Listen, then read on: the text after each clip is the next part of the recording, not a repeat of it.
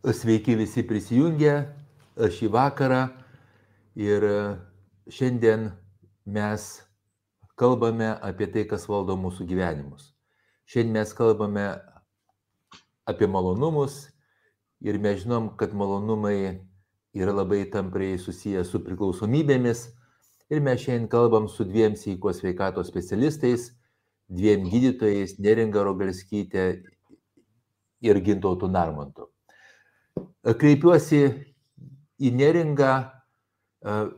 Tiesa, dar noriu priminti, kad mes šiandien kalbam apie knygą Dopamino tauta, apie knygą, kuri žinoma pasaulyje visam, yra daug po to seminarų, daug knygų, kurios sekė po šitos knygos ir šitą knygą ir išversta į lietuvių kalbą ir mes ją galim įsigyti ir paskaityti. Ir aš siūlau daugelį žmonių, kurie jaučia, kad jie turi, galim sakyti, polinkį malonumų ieškojimui, kad jie turi polinkį priklausomybėms, polinkį valgymo sutrikimams, ši knyga labai gali būti naudinga.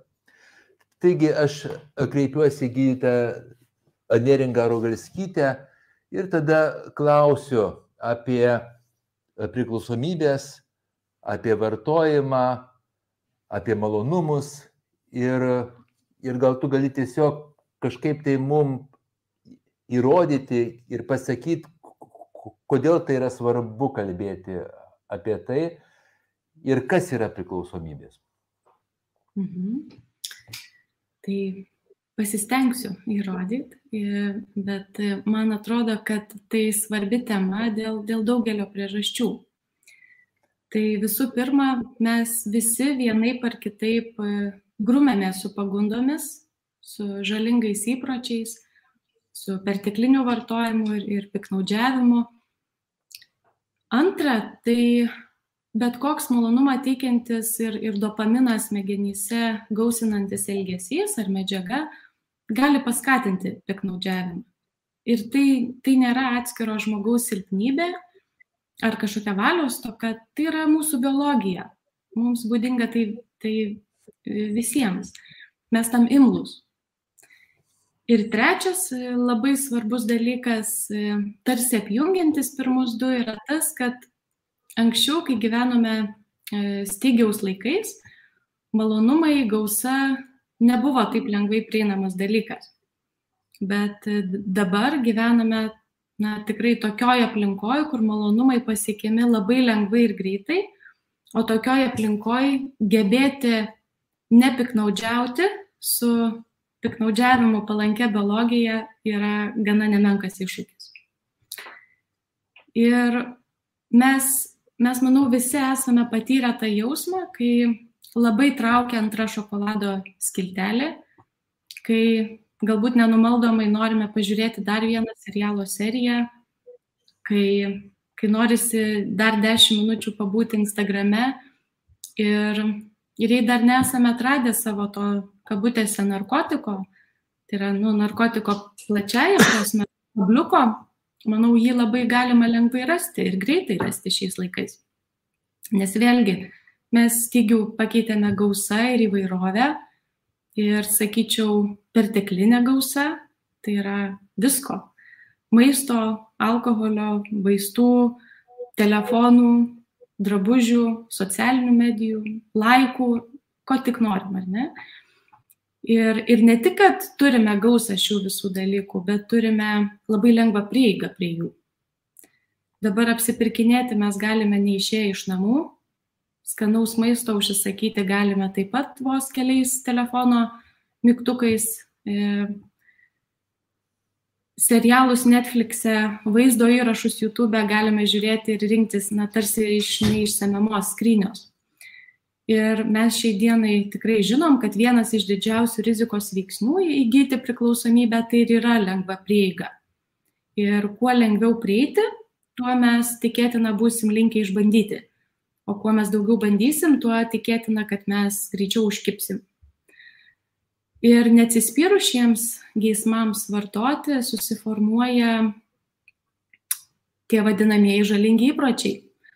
o tarp žalingų įpročių savokos ir priklausomybių savokos praktiškai galime dėti lygybę ženklą. Tai yra nulatinis arba dažniausiai epizodiniam bangom kylantis neįveikiamus potraukis vartoti tam tikrą medžiagą arba vienaip ar kitaip elgtis. Ir labai labai svarbus momentas tai yra nekreipiant į savo ar kitiems daromą žalą. Tai toks būtų galbūt pradžiai apibrėžimas ir, ir, ir trumpa įžanga. Dėkui labai neringa. Aš tiesiog atkreipiu dėmesį, kad šita gausa Ji mhm. dėl verslo ir verslo mokėjimo kurti mum tą gausą ir įtraukti mus į priklausomybę. Mum duoti stimulų, apdovanojimų ir mus skatinti pirkti. Ir man tenka daug gana dirbti su verslininkais ir aš matau, kaip jie tampa priklausomi nuo savo sėkmės, jie tampa priklausomi nuo savo priklausomybės kūrimų Jie galvoja ir galvoja vis naujus būdus uždirbti pinigus ir tie visi nauji būdai yra tenkinant mūsų priklausomybės ir malonumų poreikius. Ir kaunasi visi mes tampam priklausomybės rate.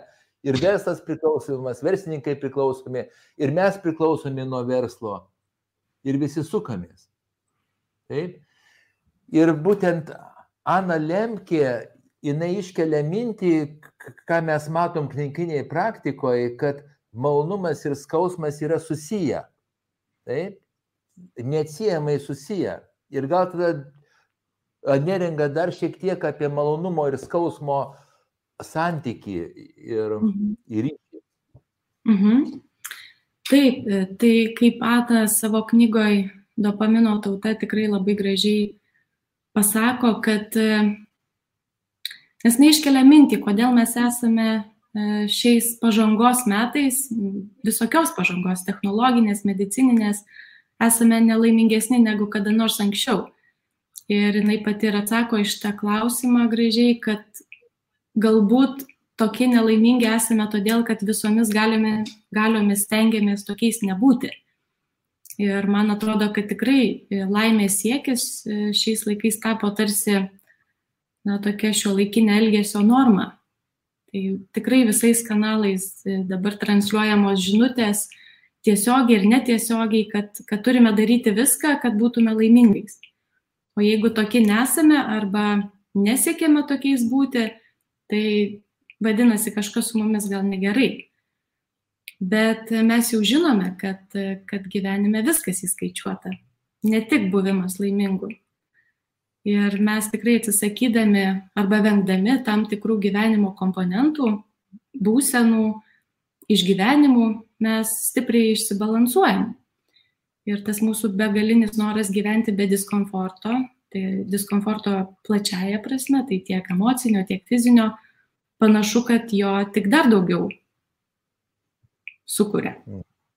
Tai kaip dabar tą iš neuromokslo perspektyvos paaiškinti, tai Kai kalbam apie malonumą, motivaciją e, ir, ir apdovanojimus, jų siekimą, mes negalim nepaminėti neuromediatoriaus dopamino.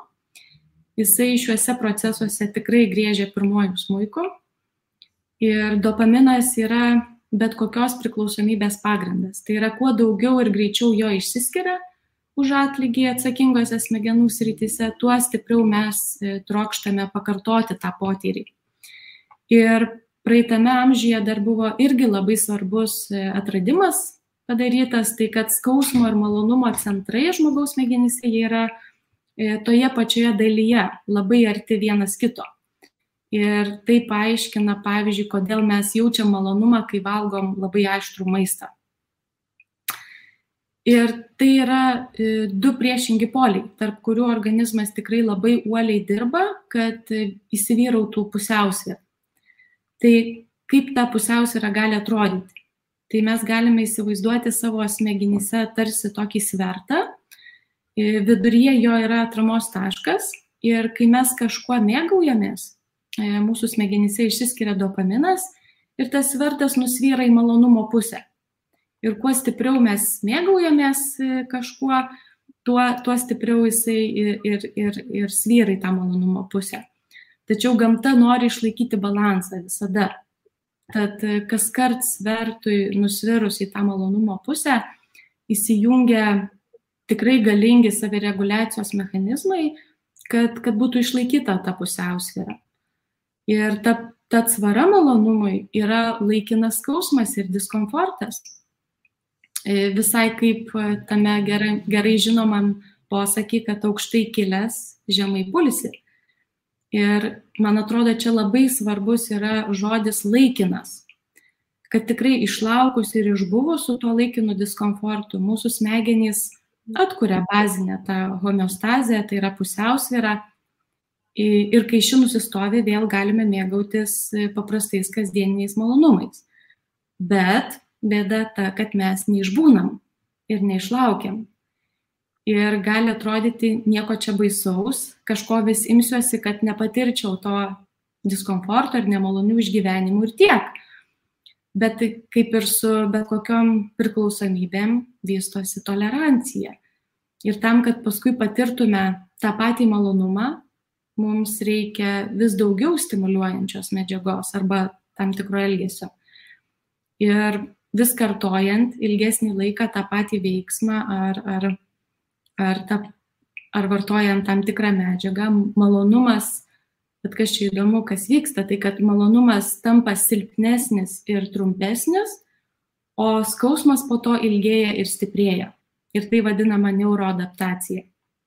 Ir galiausiai pradedam vartoti ar taip elgtis jau nebe tam, kad patirtume kažkokią labai ypatingą būseną, bet kad jaustumėmės daugiau mažiau normaliai. Ir taip vystosi priklausomybės. Tai yra pradžiai užtenka taurės vyno kad jaustume pakilumą kažkokį, paskui reikia butelio, kad jaustumėmės normaliai. Pradžiai užtenka penkių širdučių po Instagramo nuotrauką, paskui nebedžiugina ir šimtas. E, pradžiai ryte reikia vieno rytinio puodelio kavos, kad prabustume, paskui, paskui neprabundam ir nuo šešių. Ir kas labai įdomu ir svarbu, tai kad nuolatinis stimuliavimas tuo pasirinktų malonumu sukelia taip vadinamą bendrą emocinę nejautrą. Tai reiškia, kad ilgainiui e, gali pradėti nebedžiuginti beveik niekas, ne tik ta medžiaga ar elgesys. Mhm. Aš savo klinikiniai praktikoje iš tikrųjų matau, kad priklausomi žmonės, jie, jie tarsi darosi nejautrus, jie tarsi atbunka ir jų kalba tampa nejautri, ir jie patys, ir jų bendravimas toks, ir, ir šitie pokyčiai gali būti subtilus, jų juokeliai būna grubus. Jie patys šito nejaučia, bet, bet mes tą matom ir aplinkiniai žmonės mato. Taigi labai labai svarbi mintis šitoj knygoje yra, kad už viską mes mokam, kad viskas yra mokoma ir už malonumą mes mokam skausmu. Bet tam, kad gautume mes malonumą, tai mums reikia stimulų arba mums reikia trigerių. Ir aš kreipiuosi į gydytoją Gintautą Narmontą, jis daug dirba su valgymo sutrikimais, su suaugusių ir vaikų ir paauglių ir dirba kitose srityse, kaip su tais stimulais ir trigeriais. Mhm. Tai aš dar pridėčiau prie, prie priklausomybės temos ir tai, kad uh, kuo daugiau mes užsiemam maloniom veiklom, tuo daugiau dopamino išsiskiria. Kuo daugiau dopamino išsiskiria, tuo mažiau jo lieka ir tuo mažiau kitos veiklos jį gali išskirti, nes mažiau nu, nebėra ko panaudoti. Ir kitas dalykas yra, kad e, kuo daugiau mes e, tą dopaminą naudojam, tuo ilgainiui dopamino receptorių mažėja. Ir o ką tai jau duoda, kad uh, nu, vat, kaip ir neringa ir Julius minėjo, kad priklausomybėse anksčiau ir vėliau kas, kas pasireiškia, tai vadinama nehedonija, kad a, tiesiog mažiau įvairūs dalykai džiaugsmų kelia, nedomina. Tai yra priklausomybių ta neurobiologija pakankamai, pakankamai sudėtinga, tiek, e, nes a, tie visi mechanizmai jie turi ir ilgalaikės pasiekmes, kurie, kurios dažnai nu, reikia labai daug laiko, kad atsistatytų tos sistemos, o kartais iš tikrųjų gali ir sutrikti visam gyvenimui.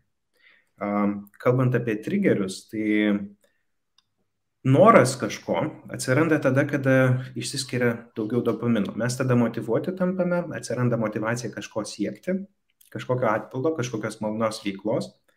Ir ne tik tais tikslas kažkoks gali tą malonumą teikti ar norą, motivaciją ar ne, bet ir tam tikri triggeriai. Tai mm, pavyzdžiui, priklaus, kalbant apie žaling, ne tik tais priklausomybės, bet ir žalingą vartojimą, tarkim, alkoholį. E, pamačius žmogui, e, kuris yra e, žalingai vartoja, pavyzdžiui, alkoholį, alkoholio reklamą, kad ir nealkoholinio alkoholio. Aš tai per daug jų iš tikrųjų neišskirčiau. Arba filmą pamato, kad kažkas smagiai leidžia laiką ir rankoje laiko butelį. Tai jau tada aktyvuojasi ta dopaminerginė visa sistema Ir jau tada dopamino pakilimas būna šiek tiek. Ir po to trigerio, kas, kas būna, kad žmogus geriau pasijaučia, prisimena, kaip buvo smagu ar kas patiko, dopamino padaugėja ir po trigerio dopaminas krenta. Ir kai jis krenta, jis krenta žemiau bazinio lygio. Ir bet kas, kas būna, e, bet koks e, subjektivus mūsų potyris, ar mums malonu ar nemalonu, priklauso nuo to, koks, koks mūsų dabar dopamino lygis lyginant su tuo, koks jis buvo prieš tai. Tai jeigu prieš tai jis buvo padidėjęs, o po to, kai padidėja, bet kas, kas pakyla, turi krist, tai po to trigerio, e, po malonumo to e, atsiranda dopamino kritimas ir kartu su tuo e, anglai turi tą žodį cravingas. Tai yra noras vėl geriau jaustis, vėl malonumą pajausti. Ir E, tada ne, ne, neretai žmonės, e, kurie serga priklausomybėmis, atkrenta. Vėl siekia to pasirinkto narkotiko, pasirinktos tos medžiagos ar elgesio netgi, kuris teikia malonumą tam, kad, kad geriau jaustųsi. Tai trigerių, aš manau, kad dar ir apie tai galbūt ir vėliau kalbėsim, bet trigerių tam tikrų ribojimas irgi yra labai svarbi dalis priklausomybių gydymų. Nes atsispirti trigeriams tai yra, nu, iš esmės sunki veikla. Reikia sąmoningų pastangų. Mūsų smegenys daugiau gliukozės naudoja netgi, jeigu mes bandom kažką atsispirti. Ir ne visą laiką užtenka valios pastangų iš tikrųjų, ypatingai, kai kalbam apie priklausomybės. Mhm. Klinikiniai praktikoje mes taikom tokį žodį akistatą su medžiaga. Jeigu mes esame priklausomi nuo medžiagos arba nuo elgesio, vengti akistatos, nes mes būsim nugalėti. Ir jeigu mes kalbame apie alkoholį, nepirkti, nevaišinti, nedovanoti, nepilstyti, neiti alkoholio skyrius, nesidomėti, nes o o kokio naujo atsirado alkoholio ir taip toliau. Tai, tai va šitas labai labai svarbus momentas. Ir gintautai, o apie reklamą tu pasakėjai. Ir aš prisiminiau savo, savo jaunystę ir aš bandydavau rūkyti jaunystėje šiek tiek. Aš daugybę metų, daugybę metų nesurūkęs cigaretės, daug jau metų, iš tikrųjų 20, gal 5 ar kiek.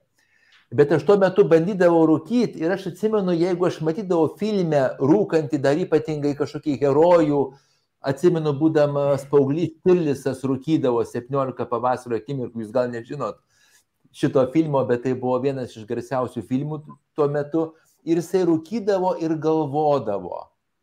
Ir man paaugliui, man paaugliui būdavo, kaip, kaip smagu čia rūkyti ir galvoti. Ir toks Tillisas, toks kietas ir mano smegenyse įvyko ryšys, kad rūkimas yra kažkoks tai teigiamas labai dalykas. Tai taigi aš labai labai pritariu, kad visos reklamos nealkoholinio alaus taip toliau ir visi šitie legalizavimai, čia dėlis gali manęs uh, kažkas tai pykti, nes jauni žmonės gauna žinutės, kad tai nieko tokio arba tai geras dalykas. Ir jauni žmonės, jie neturi kompetencijų malonumą gauti kitais tvariais būdais. Jie ieško va, tokių kažkokių labai greitų ir paprastų būdų ir pasimauna ant kabliuko. Ir čia mes turim įskirti dar du labai svarbus dėlius momentus, kad mes visi, kaip žmonės esame, mes turim skirtingą polinkį priklausomybėms, mūsų smegenys skirtingą polinkį ir vienam žmogui reikia išgerti, daisim, vieną vienetą, o kitam žmogui reikia išgerti šimtą vienetų, kad taptų, kad taptų priklausomas. Tai irgi ir mes negalim lyginti šitoj vietoj. Jeigu mūsų tėtis, mama ar broliai, seserys buvo priklausomi, arba net močiutės ar seneliai, mūsų šansas yra ženkliai dėsnis. Mes turim būti atsargesni. Tai vienas niuansas. Antras niuansas, kad skirtingos medžiagos ir skirtingi elgesiai skirtingai veikia mūsų smegenis, dopamino sistemą. Yra medžiagų, veikiančių tūkstantį kartų labiau už kitas medžiagas arba dešimt tūkstančių kartų. Yra medžiagų, kur pavartoji vieną kartą ir tavo smegenys viskas. Ir, tau, ir, tu, ir tu esi realiai priklausomas jau. Tai yra labai baisu arba daugelis žmonių gali būti priklausomi. Taigi mes prieinam prie savokos, kuri turi savo. Aš dar vardą. vieną mintį tu, turėjau. O. E, Kai sakėt e, apie tas reklamas ir kaip kietai atrodydavo, tai aš e, iš savo vaikystės prisimenu, kad kietai rodydavo tuo metu apie kaubojus laidas mano vaikystėje. Mhm. Ir tie kaubojai irgi būdavo labai kieti ir daug kur rūkydavo. Tai kaip ir irgi toks teigiamas pozicionavimas, kuris gali skatinti, bet buvo ir neigiamas. Ir beje, iš rusų tų animacinių filmukų nupalauk. Taigi tas Mhm. vilkas rūkydavo, bet man jis labai išlikštus būdavo. Ir tas, tas neigiamas, pavyzdžiui, vaizdavimas, tai irgi, aš sakyčiau, man asociacijos kaip su nemalonė veikla. Tokį vat, vaizdą ir prisiminimą turiu. Taip. Taip, taip. Bet e, e, kompanijos moka didelius pinigus, kad vien tik tai aktoriai vartotų filmuose, bet tik tai rūkytų ir nieko daugiau. Ir sumoka didelės e, sumas. Už tai, kad milijoną žmonių žiūri ir, ir iš jų ten šimtas tūkstančių gėrisi tuo. Taigi mes prieinam prie savokos, kuri šiuo metu yra irgi, irgi vartojama ir jinai atspindi mūsų temą, tai ta savoka yra narkotikas. Ir šitoj knygoje šitas žodis yra vadinamas dar pasirinktų narkotikų. Ir, ir tai gali būti daugas. Tai tada neringa gal apie tai truputį, apie, pasirinktą narkotiką. Mhm. Tai malonumo teikiantis dalykas, kad ir koks tai bebūtų, vienam žmogui nebūtinai bus malonus. Ne? Vienam bus malonu, kitam ne. Vieną žmogų gali stipriai traukti tas pats alkoholis, kita maistas, kita darbas, kofeinas, pornografija, rūkimas, lošimai ir taip toliau. Ir kas yra įdomu, ir tai kad nebūtinai vaikystėje žmogus turi išgyventi traumą, kad būtume linkę į priklausomybės. Taip, tai gali būti rizikos faktorius, bet nebūtinai. E, Ir būtent šitoj knygoje minima, kad e, ir, ir apie tai daugiausiai ir kalbame, kad, kad šių laikų gausa, vat, produktai ir paslaugos taip ir kuriamos, kad keltų priklausomybę. Ir čia ne, ne valios klausimas ir ne kažkoks defektyvumo klausimas, tai yra mūsų nu, prigimtinės savybės, tai yra siekti malonumo ir vengti skausmo. Ir dar vienas, vat, ką, ką vakar aš išsinešiau iš e, meistriškumo grupės, e, tai Juliau tavo pastebėjimą, nors aišku mes kalbėjom visai apie kitus dalykus, e, bet tu paminėjai, kad mūsų patirtis veikia ne tik gausa, bet ir pataikymas tiksliai į taikinį. Tai man atrodo, čia labai tiktų ir, ir šitoj temoje, tai kai mes su savo specifinė biologija pataikom į tą specifinį taikinį, kuriam esam imlus, tai tada ir prasideda ta nuožmioji kova. Tai Mhm. O kai mes vartojam pasirinktą narkotiką, ilgą laiką jis tarsi praranda galę. Taip ir kas tada vyksta ir kai vyksta, kai mes jį nutraukiame vartoti, kaip tada, kaip tada mūsų smegenys reaguoja į tai. Mhm. Taip, taip, priklausomybių turintys pacientai dažnai išskiria e, tuos pačius simptomus, kurie atsiranda, kai, kai prasideda va, tos liaudiškai vadinamos lomkės. Ir, ir tie simptomai yra universalūs. Tai visų pirma, padidėjęs nerimas, irzlumas, dirgulumas, nemiga ir, ir nuotaikos vyravimai. Ir atsiradus šiems simptomams pojūčiai tikrai yra labai nemalonus ir, ir todėl žmonės šioje vietoje dažnai neišbūna ir atkrenta, net jeigu prieš tai ilgą laiką gana pavyko susilaikyti nevartojus. Nes e, jau ką ir, ir Gintautas minėjo, tai dopaminas labai stipriai nukrenta. O kai jisai nukrem, nukrenta, užlėja tą nenumaldoma troškimo e, ir potraukio banga. Ir tada grėbiamasi vartoti ne todėl, kad vėl patirti malonumą, bet jau, kad būtų palengvinta bent jau ta užsitęsusi fizinė ir psichologinė kančia, kuri ištinka praktiškai visus, kurie atsisako savo dopamino šaltinio. Tai yra savo tos pasirinktos narkotinės medžiagos. Mhm. Aš matyčiau, kad yra keletas priežasčių, dėl ko žmonės vartoja medžiagą arba elgesį. Tai viena priežastis tai gali būti įprotis. Dažnai žmogus veikia automatiškai ir būtent jis yra paskatinamas efekto, malonumo šito, bet, bet pati svarbiausia paskata įprotis. Antras, lygai vystantis, tada, tada, tada žmogus ieško efekto, apsvaigimo būsenos, pasitraukimo iš realybės būsenos, nes visos priklausomybės, ar jos būtų medžiagų vartojimas, ar jos būtų elgesio vartojimas, jos yra pasitraukimas iš realybės. Ir aš labai gerai prisimenu vienos daininkės pasakymą, kai jos klausė, kai jūs turite tiek pinigų, ir tiek visokių draugų ir tokius stimulus. Kaip jūs apsisaugojote nuo priklausomybės? Ir šitą moteris atsakė, kad man patinka gyvenimas ir aš visai nenoriu atsitraukti nuo jo. Ir man taip buvo, sakyčiau, stipru, nes tie, kurie yra linkę į priklausomybės, jiem nepatinka gyvenimas jiem patinka alternatyvos gyvenimo kažkokios tai.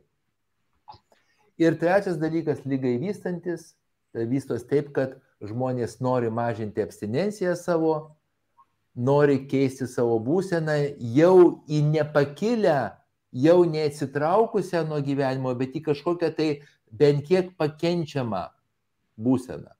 Tai yra paskutiniai stadijai žmonės. Ir man teko Amerikoje būti ligoniai vienoje, aš ten buvau, kur, kur žmogus visas geltonas, kepenų cirozė, nu, atrodo tragiškai. Aš pirmą kartą mačiau tokį, tokį sunkų ligonį. Ir mes atėjom tenais ir tas gytas jo klausė, mes tau persudinsim kepenis, tau reikia pasirašyti, kad tu nevartosi niekada alkoholio. Ir jis pasakė ne. Sakė, ne, man buvo milžiškas įspūdis, kai jisai praktiškai renkasi mirti ir jis buvo sąžininkas, nes kitas būtų pasirašęs, bet paskui vartojas. Bet jisai nepasirašė, nes tai jam atrodė, kad per sunku ar dar kažkas. Taigi mes galim vėl grįžti prie mūsų smegenų, mes galim grįžti vėl prie dopamino, kuris yra ir motivacijos sistemos dalis ir apdovanojimo arba atpildo sistemos dalis. Ir tada aš kreipiuosi pas gydytoją Gintautą Narmontą, gal apie tai truputį mūsų žiūrovams. Bet tai jeigu įsivaizduotumėm, e, kaip filmuose vaizduoja priklausomus nuo, nuo narkotikų žmonės, ypatingai intraveninius narkotikus, tai iš tikrųjų tai yra išskirtinai motivuoti žmonės. Retas, kuris kitas žmogus būtų tiek motivuotas E, kažko siekti. Ir, ir ne, iš klinikinės praktikos ne vieną žinau atvejį, nu, žmogų, kuris e, per dieną turėdavo, nu, žinokit, kokius 500 eurų gauti per dieną, kad galėtų palaikyti tą vartojimą. Tai toli gražu ne kiekvienas gali, gali tą, tą ryštis ir galima sakyti, kad, pavyzdžiui, prašyti išmaldos žmonių, prašyti e, žmo, tiem žmonėms nieko nekainuojant.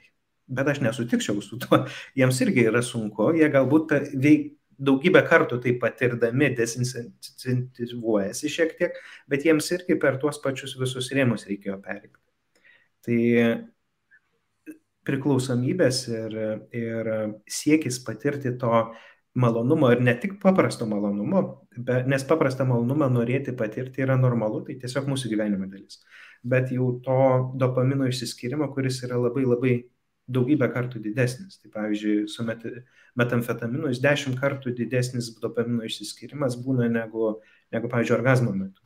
Tai tie siekis labai itin stipraus dopamino išsiskyrimo, e, jis, e, jis e, labai paveikia žmonių motivaciją. Kai žmogus siekia kažko, jau dopaminas pradeda išsiskirinėti ir jau jau kilti. Ir kartu dar kas įdomu su, su, su, iš neurobiologinės pusės, kad kartu su neuronu tie patys neuronai, kurie išskiria dopaminą, išskiria, išskiria glutamatą. O glutamatas yra jaudinanti, aktyvinanti e, nu, tokia molekulė. Ne? E, ir jeigu pasižiūrėtumėm filmuose irgi, tai žmonės priklausomi nuo narkotikų kaip vaizduojami. Kad jie arba dėl to, kad jau yra abstinencija tarp nervuoti įsitempę, drebantis, judantis, arba jie ažituoti būna labai sudirgę greiti, siekdami gauti dozes. Tai tas nuolatinis disforiškumas, sudirgimas būna. Labai didelis aktyvavimas nervų sistemos. Ir motivacija ir atpildas yra susijusi su ta pačia dopamino sistema. Galima sakyti, skiriasi laiku. Tai yra motivacija prieš gavimą kažko ar ne ir pasiekimo, o atpilas yra po. Ir jeigu labai taip tiksliai pasižiūrėtumėm, tai dopamino daugiausiai būna prieš gaunant, o po to jis mažėja. Ir dar kuo, kaip įsitraukia, pavyzdžiui, tie lošimai įvairūs, kodėl priklausomybė nuo lošimų gali išsivystyti. Nes jeigu aš šimto procentų žinosiu, kad kažkas man pavyks arba pasieksiu, tai tai, tai tiek daug dopamino e, neišsiskiria. Apie du kartus daugiau dopamino išsiskiria, jeigu aš nežinau, ar man pavyks ar nepavyks. Ir tą dopaminą gali mums išskirti.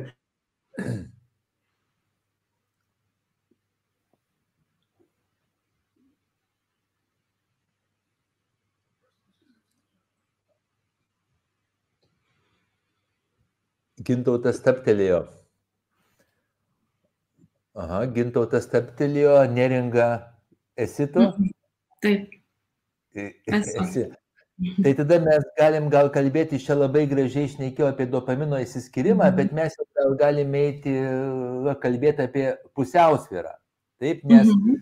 nes toj knygoje autorė ir mes savo klinikinėje praktikoje mes irgi skatinam siekti ne įsiskirimo apdovanojimo, bet skatinam siekti pusiausvyros. Taip, tai Gal tada apie tai gerai nerinka. Mhm. Tai gal daugiau apie tai, kaip atstatyti tą pusiausvyrą, nes manau, kad daug, daugeliui kyla šitas klausimas.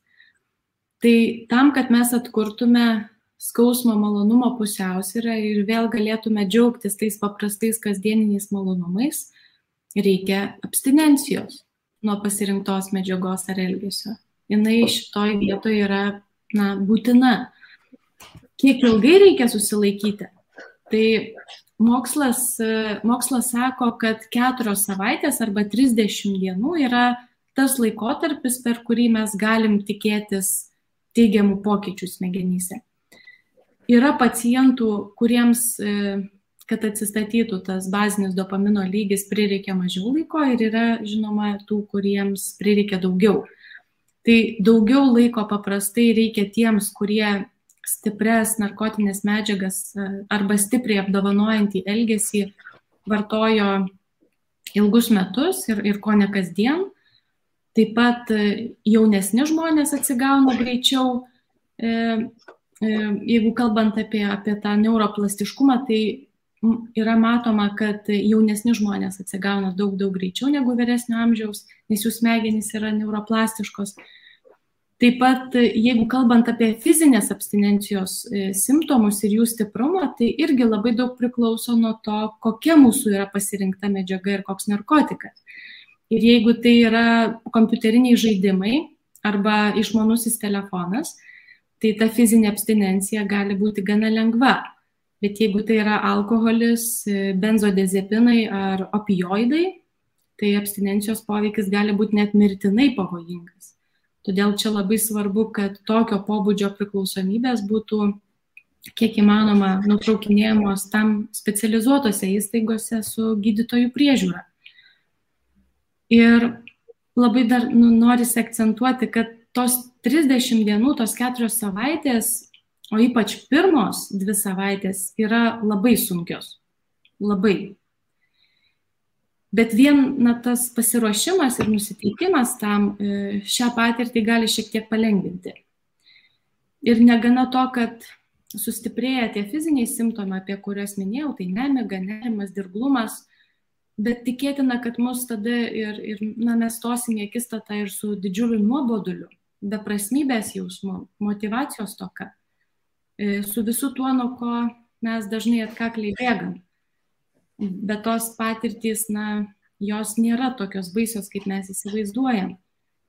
Taip, žinoma, susidurti su juom nėra labai malonu, bet, bet pasitelkus tą išgyvenamą potyrį, tai yra praktikuojant mindfulness, mes galim saugiai save stebėti ir saugiai tyrinėti savo emocijas, kūno pojūčius, impulsus.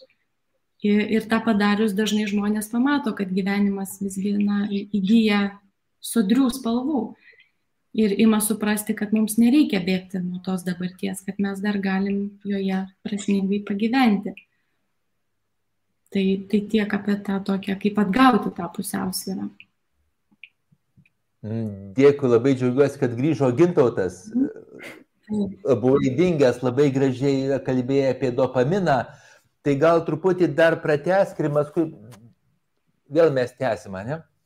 Mhm. Tai ir nežinau, kur tiksliai sustojau, nes man kompiuteriu kažkas atsitiko. Mhm. Bet um, dopaminas iš esmės išsiskiria, gali išsiskirti dėl dviejų skirtingų priežasčių. Arba dėl medžiagų, kurios tiesiogiai veikia dopamino išsiskirimą, arba dėl to, kaip mes, kaip mes suvokiam elgesį arba tam tikras pasiekmes ar situacijas, tai yra daugiau iš to, kaip interpretuojam situaciją. Tai tiesiogiai veikia dopaminą arba medžiagos, prie kurių lengvai priklausomybės vystosi, arba mes galim tapti priklausomi ir nuo elgesio. Tai tas e, ypatingai dabar, aš sakyčiau, psichiatrijoje yra e, aktyviai juda į priekį, nes anksčiau priklausomybės buvo skaitoma yra tik tais kažkokiams medžiagoms, dabar jau atsiranda ir priklausomybė uh, priklausomybė lošimams, e, valgymo sutrikimai nemaža dalim dabar irgi judama prie, prie modelio, kai būna, pavyzdžiui, kompulsyvus valgymas, kurio metu prarandama kontrolė, po to būna irgi gėdos, kalties jausmai, tai irgi jis turi e, savie nemažai priklausomybės, nes ta, ta pati mezolimbinė sistema aktyvuojasi, tai nukleus akumbens yra toks brandolys, kuris labai labai pradeda aktyviai veikti ir tada potraukis maistui labai stiprus atsiranda. Ir tą patį pas, pabėgimą ir atsitraukimą emocijų reguliacijos funkciją atlieka, kaip ir, kaip ir noras vartoti, pavyzdžiui, narkotikus kažkokius. Tai, tai tą labai svarbu yra žinoti, kad mes galim tapti priklausomai ir nuo elgesio tam tikrų ir e, ne tik tais nuo tam tikrų medžiagų. Ir jeigu kalbam apie atpildą, tai noras jaustis maloniai, noras patirti e, tą atpildą, jis nėra sąmoningas. Mes visą laiką tą, to norėsim. Ne, negalim savo pasakyti, ne, aš nenoriu, arba tai man blogai, aš neturiu norėti. Noras visą laiką bus. E, kažkur mumise, ar ne, ta, ta dalis, kuris nori siekti to, prisimena, kaip aš gerai jaučiausi, kaip faina buvo ir taip toliau. Ir yra normalu norėti jausti malonumą, savo gyvenime, bet aš sakyčiau, yra nenormalu norėti nuolatos maloniai jaustis ir gerai. Nes tas, nu, apie tai jau šiandien labai daug ir kalbam, kad nuolatinis malonumo ieškojimas ir, ir yra tiesioginis kelias prie priklausomybių. Ir aš manau, yra labai svarbu dar kiek, pagalvoti kiekvienam iš mūsų, o kaip mes, kokiu būdu mes norim tą atpildo sistemą aktyvuoti. Ar vyno taurė, ar kažkuo kitu. Nes vis tiek noras maloniai pasijausti bus. Tai o kaip mes norim prie to malonumo prieiti? Ir, ir dabar yra pora ir studijų atlikta, ir kuriame aš netgi sakyčiau tokie atskiri mm, protokolai, kaip e, susijęti malonumo tą jausmą, dopamino išsiskirimą su nerezultatu, bet įdedamomis pastangomis. Ir, ir iš tikrųjų čia matyti ir yra labai daug prasmės žmonėm, kurie nori daug ko pasiekti, daug padaryti, susidurti su sunkumais, judėti į priekį, pamėgti ne rezultatus, bet įdėtą darbą. Ir, ir mūsų malon, ta dopaminerinė sistema iš esmės susideda iš tokių dviejų pagrindinių kelių - mezolimbinio ir mezokortikalinio. Ką tai reiškia, kad yra įsitraukusios mūsų viduriniosios smegenys, mūsų limbinė sistema atsakinga už emocijas ir emocinį apdarojimą, ir mūsų prefrontalinė žievė. Tai yra, ką mes logiškai matom, mastom, apsprendžiam, ką galim pasakyti, iškomunikuoti kitiems žmonėms ir taip toliau vykdomosios funkcijos. Tai malonumo paieškose, ar ne, galim apsispręsti sąmoningai ir per vertinimą kažkokį. Pavyzdžiui, man skaityti arba ruoštis pokalbiui irgi kėlė kažkiek nerimo ir įtampos, bet aš savo pasakiau, ar ne prefrontalinė žievė, kad tai man pačiam naudinga yra, ką aš išmoksiu, aš po to naudosiu. Viešas kalbėjimas man ne, irgi kažkiek nerimo kelia, bet kuo daugiau aš su tuo susiduriu, tuo ramiau į tai reaguoja ir geriau sekasi, tai aš savo mąstymu ne, galiu pastangas susijęti su kažkokiu teigiamu dalyku. Ne orientuotis į rezultatą, kad aš gerai jausiuosi tik tais, kai pasieksiu. Nes netgi irgi yra klinikinių tyrimų, kurie rodo, kad jeigu mes tik dėl rezultatų darysim, tai mūsų dopamino koncentracija per visą tą siekimą tikslo bus žemesnė negu, negu būtų buvusi prieš tai. E, buvo irgi knygoje pavyzdys apie vaikus, kurie piešia. Kad e, piešimas vaikams maloni veikla pradėjo duoti atpildą, nu, kažkokį apdovanojimą, žvaigždutę, dar kažkokį gerą žodį už nupieštą darbą. Tai kai atėmė apdovanojimus, vaikai nustojo piešti. Tai irgi, jeigu tik tais mes gerą savijautą turėsim, tik, tik tais pasiekus tikslą, tai apdovanojimai bus vienintelė motivacija, po kurio laiko iš viso kažko siekti ir daryti. Ir tai yra labai nestabilu. Tai, tai vienas iš geriausių būdų, ką, ką, ką galim padaryti, e, tai yra susijęti per savo mąstymą, per požiūrio keitimą matyti, įsisamonimą, e, apdovanojimą, ar ne, kad e, tai, ką aš darau, yra prasminga, yra vertinga, yra gera susijęti su pastangomis, o ne su rezultatu.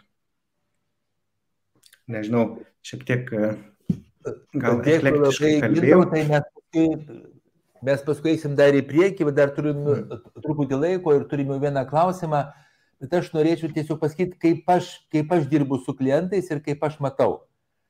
E, mes visi priklausomi nuo malonumo, visi Mes siekiam malonumo ištisai, siekiam kažkokio pastenkinimo, gal galim taip sakyti, pastenkinimo.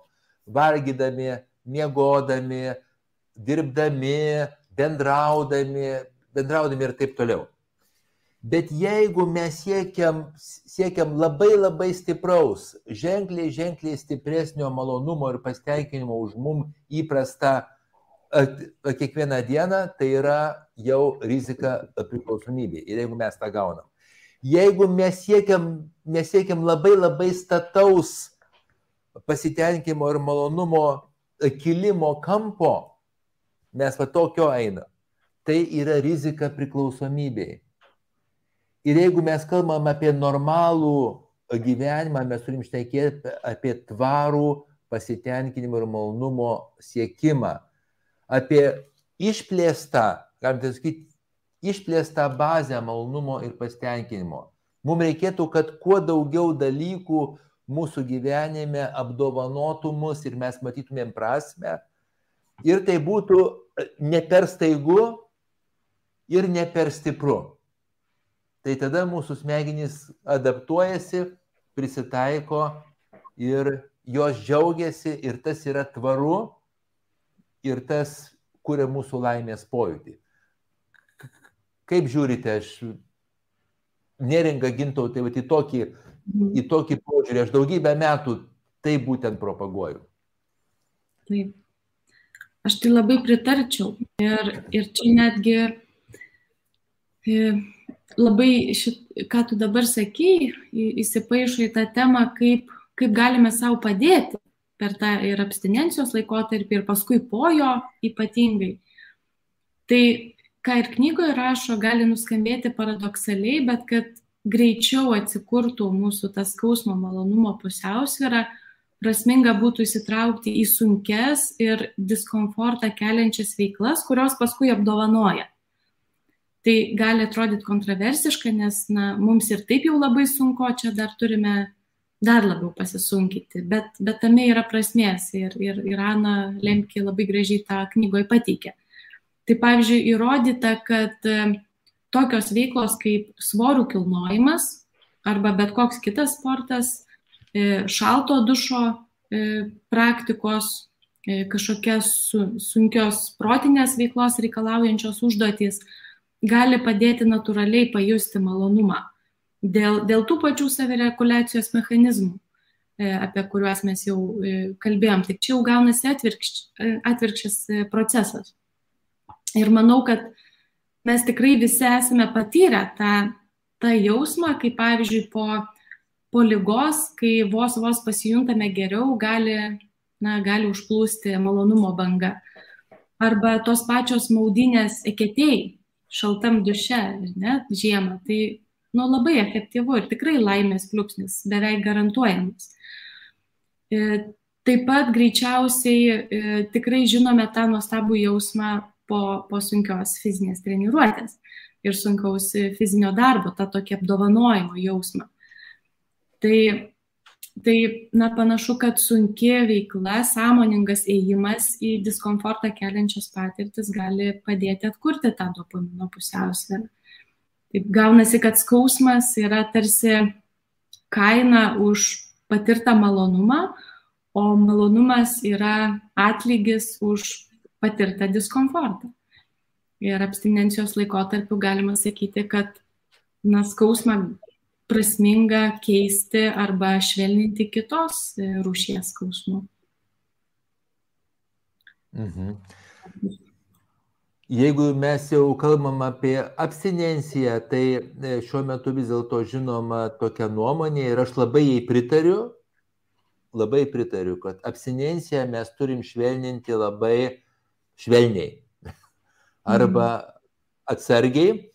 Jeigu mes abstinenciją nuimam arba šalinam ir dar suteikiam malonumą ir kartais po alkoholio ilgalaikio vartojimo žmonės kviečia gydytojus, atvažiuoja gydytojai, pradeda leisti tenais benzodiazepinus ir gaunasi kitas pasitenkinimas ir kitas malonumas. Tai toks abstinencijos šalinimas jisai nepadeda mums veikti.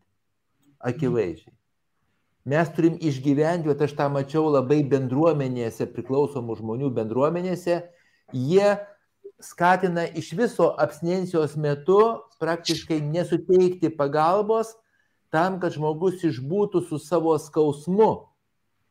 Ir kad tai atbaidytų, aš sakau labai jau taip liaudiškai, liaudiškai paprastai, nuo to malonumo siekimo, nes jos smegenys sujungtų malonumą su skausmu ir jos smegenys pradėtų žinoti, kad jeigu jisai vartos priklausomybę sukeliančias medžiagą, tą, jisai paskui labai patirs didelį skausmą. Ir tada pradėti ieškoti kitų būdų savo duoti kažkokį tai pasitenkinimą, ne per tą medžiagą. Ir tada gintautai apie skausmą, apie skausmą, apie va tai, ką mes dabar kalbam, apie gal kažką. Tai kalbant apie skausmą, gal gali taip nuskambėti, kad tai yra labai nemalonu ir, kelianti, ir kelia kančią. Tai kam čia, kam čia gadint savo gyvenimą? Bet aš labai išskirčiau kančią nuo skausmo, nes, nu, pavyzdys, man, man labai įkritęs į atmintį, tai yra, tarkim, žmogui skauda pečių juosta. Ir vienas žmogus yra pasportavęs. Ir jis tą pečių skausmą, maudimą įvertina, kaip gerai, kad aš šiandien pasportavau. Man buvo sunku, bet aš pasiryžau, padariau ir džiaugiuosi tuo. Tai ta man maudimas, nemalonus jausmas, bet va vėl mano prefrontalinė žievė priema tai kaip kažką gero.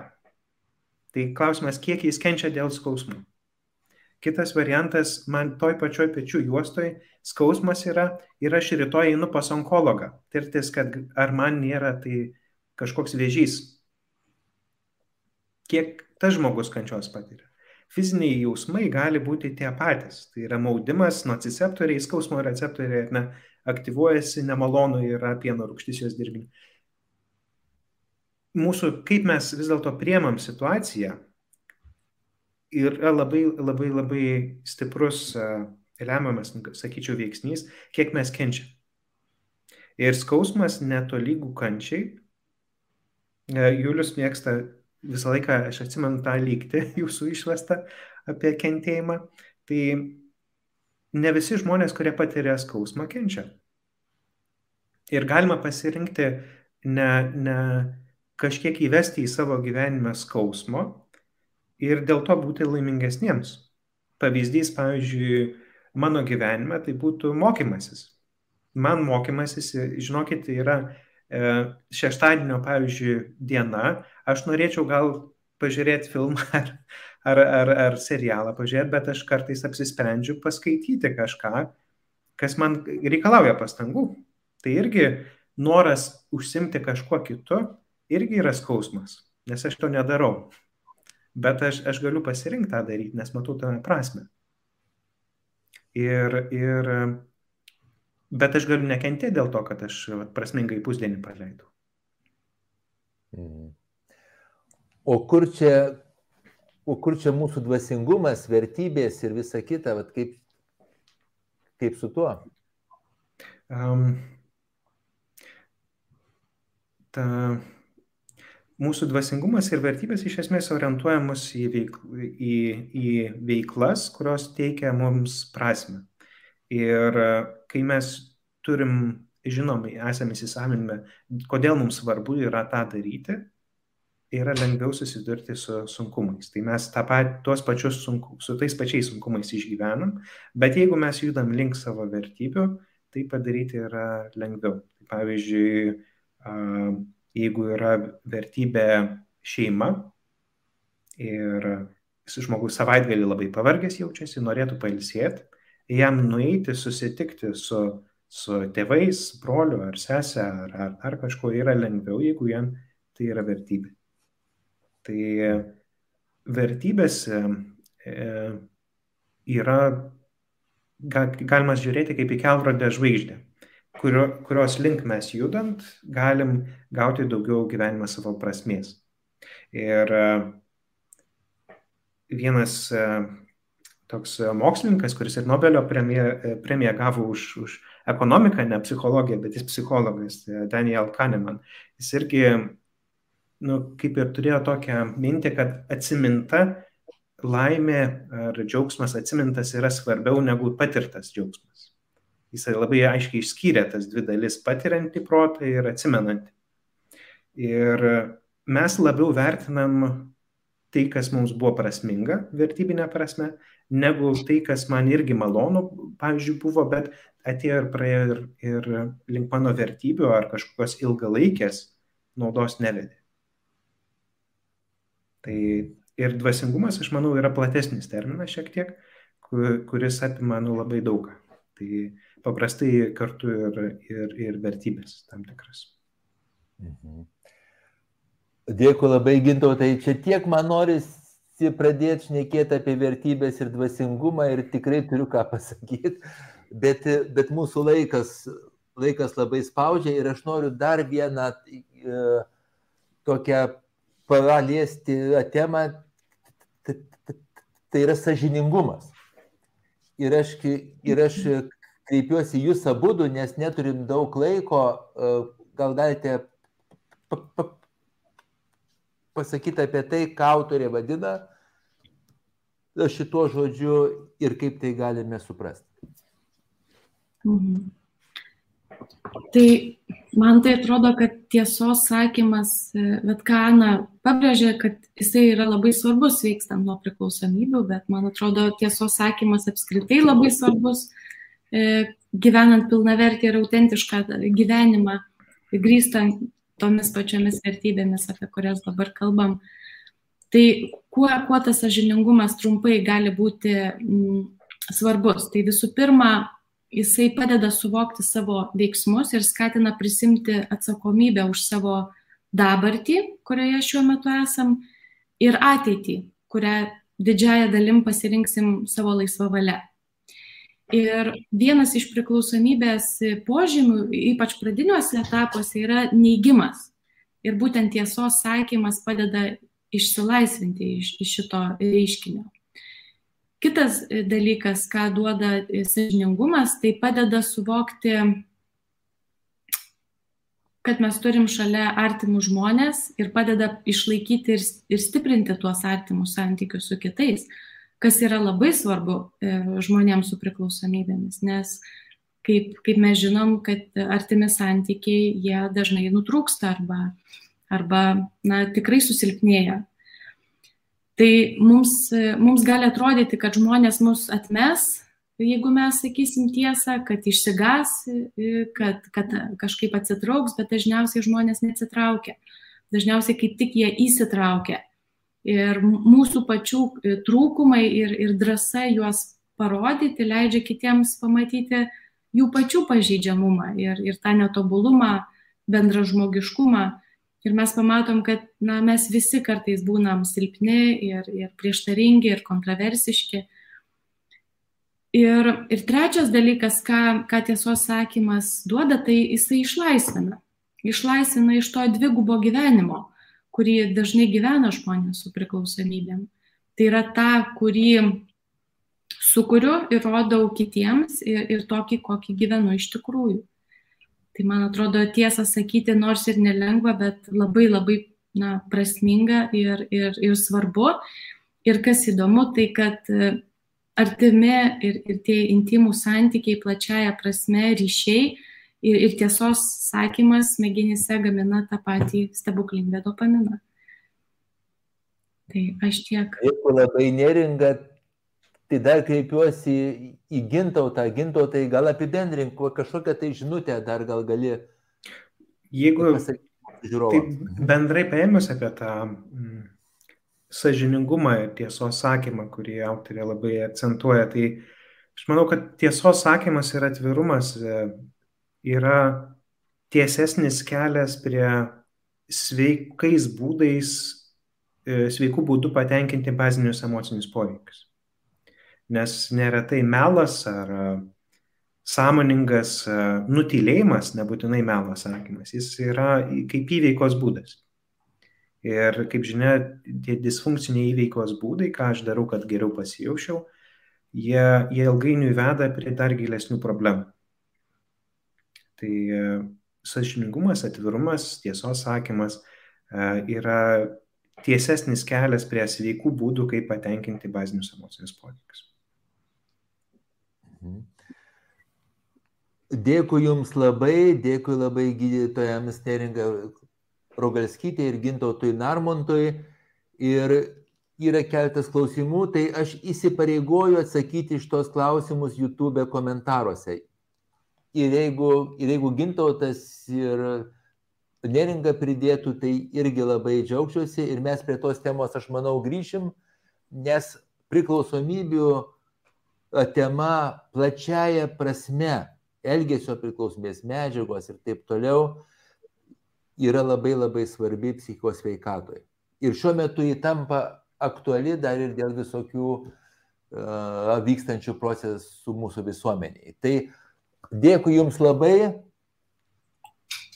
Daug Jums stiprybės dirbant su savo klientais ir sakau iki visiems, kurie mus žiūri ir, e, esti kartu. Ačiū labai visiems. Iki. Ačiū. Iki. Iki.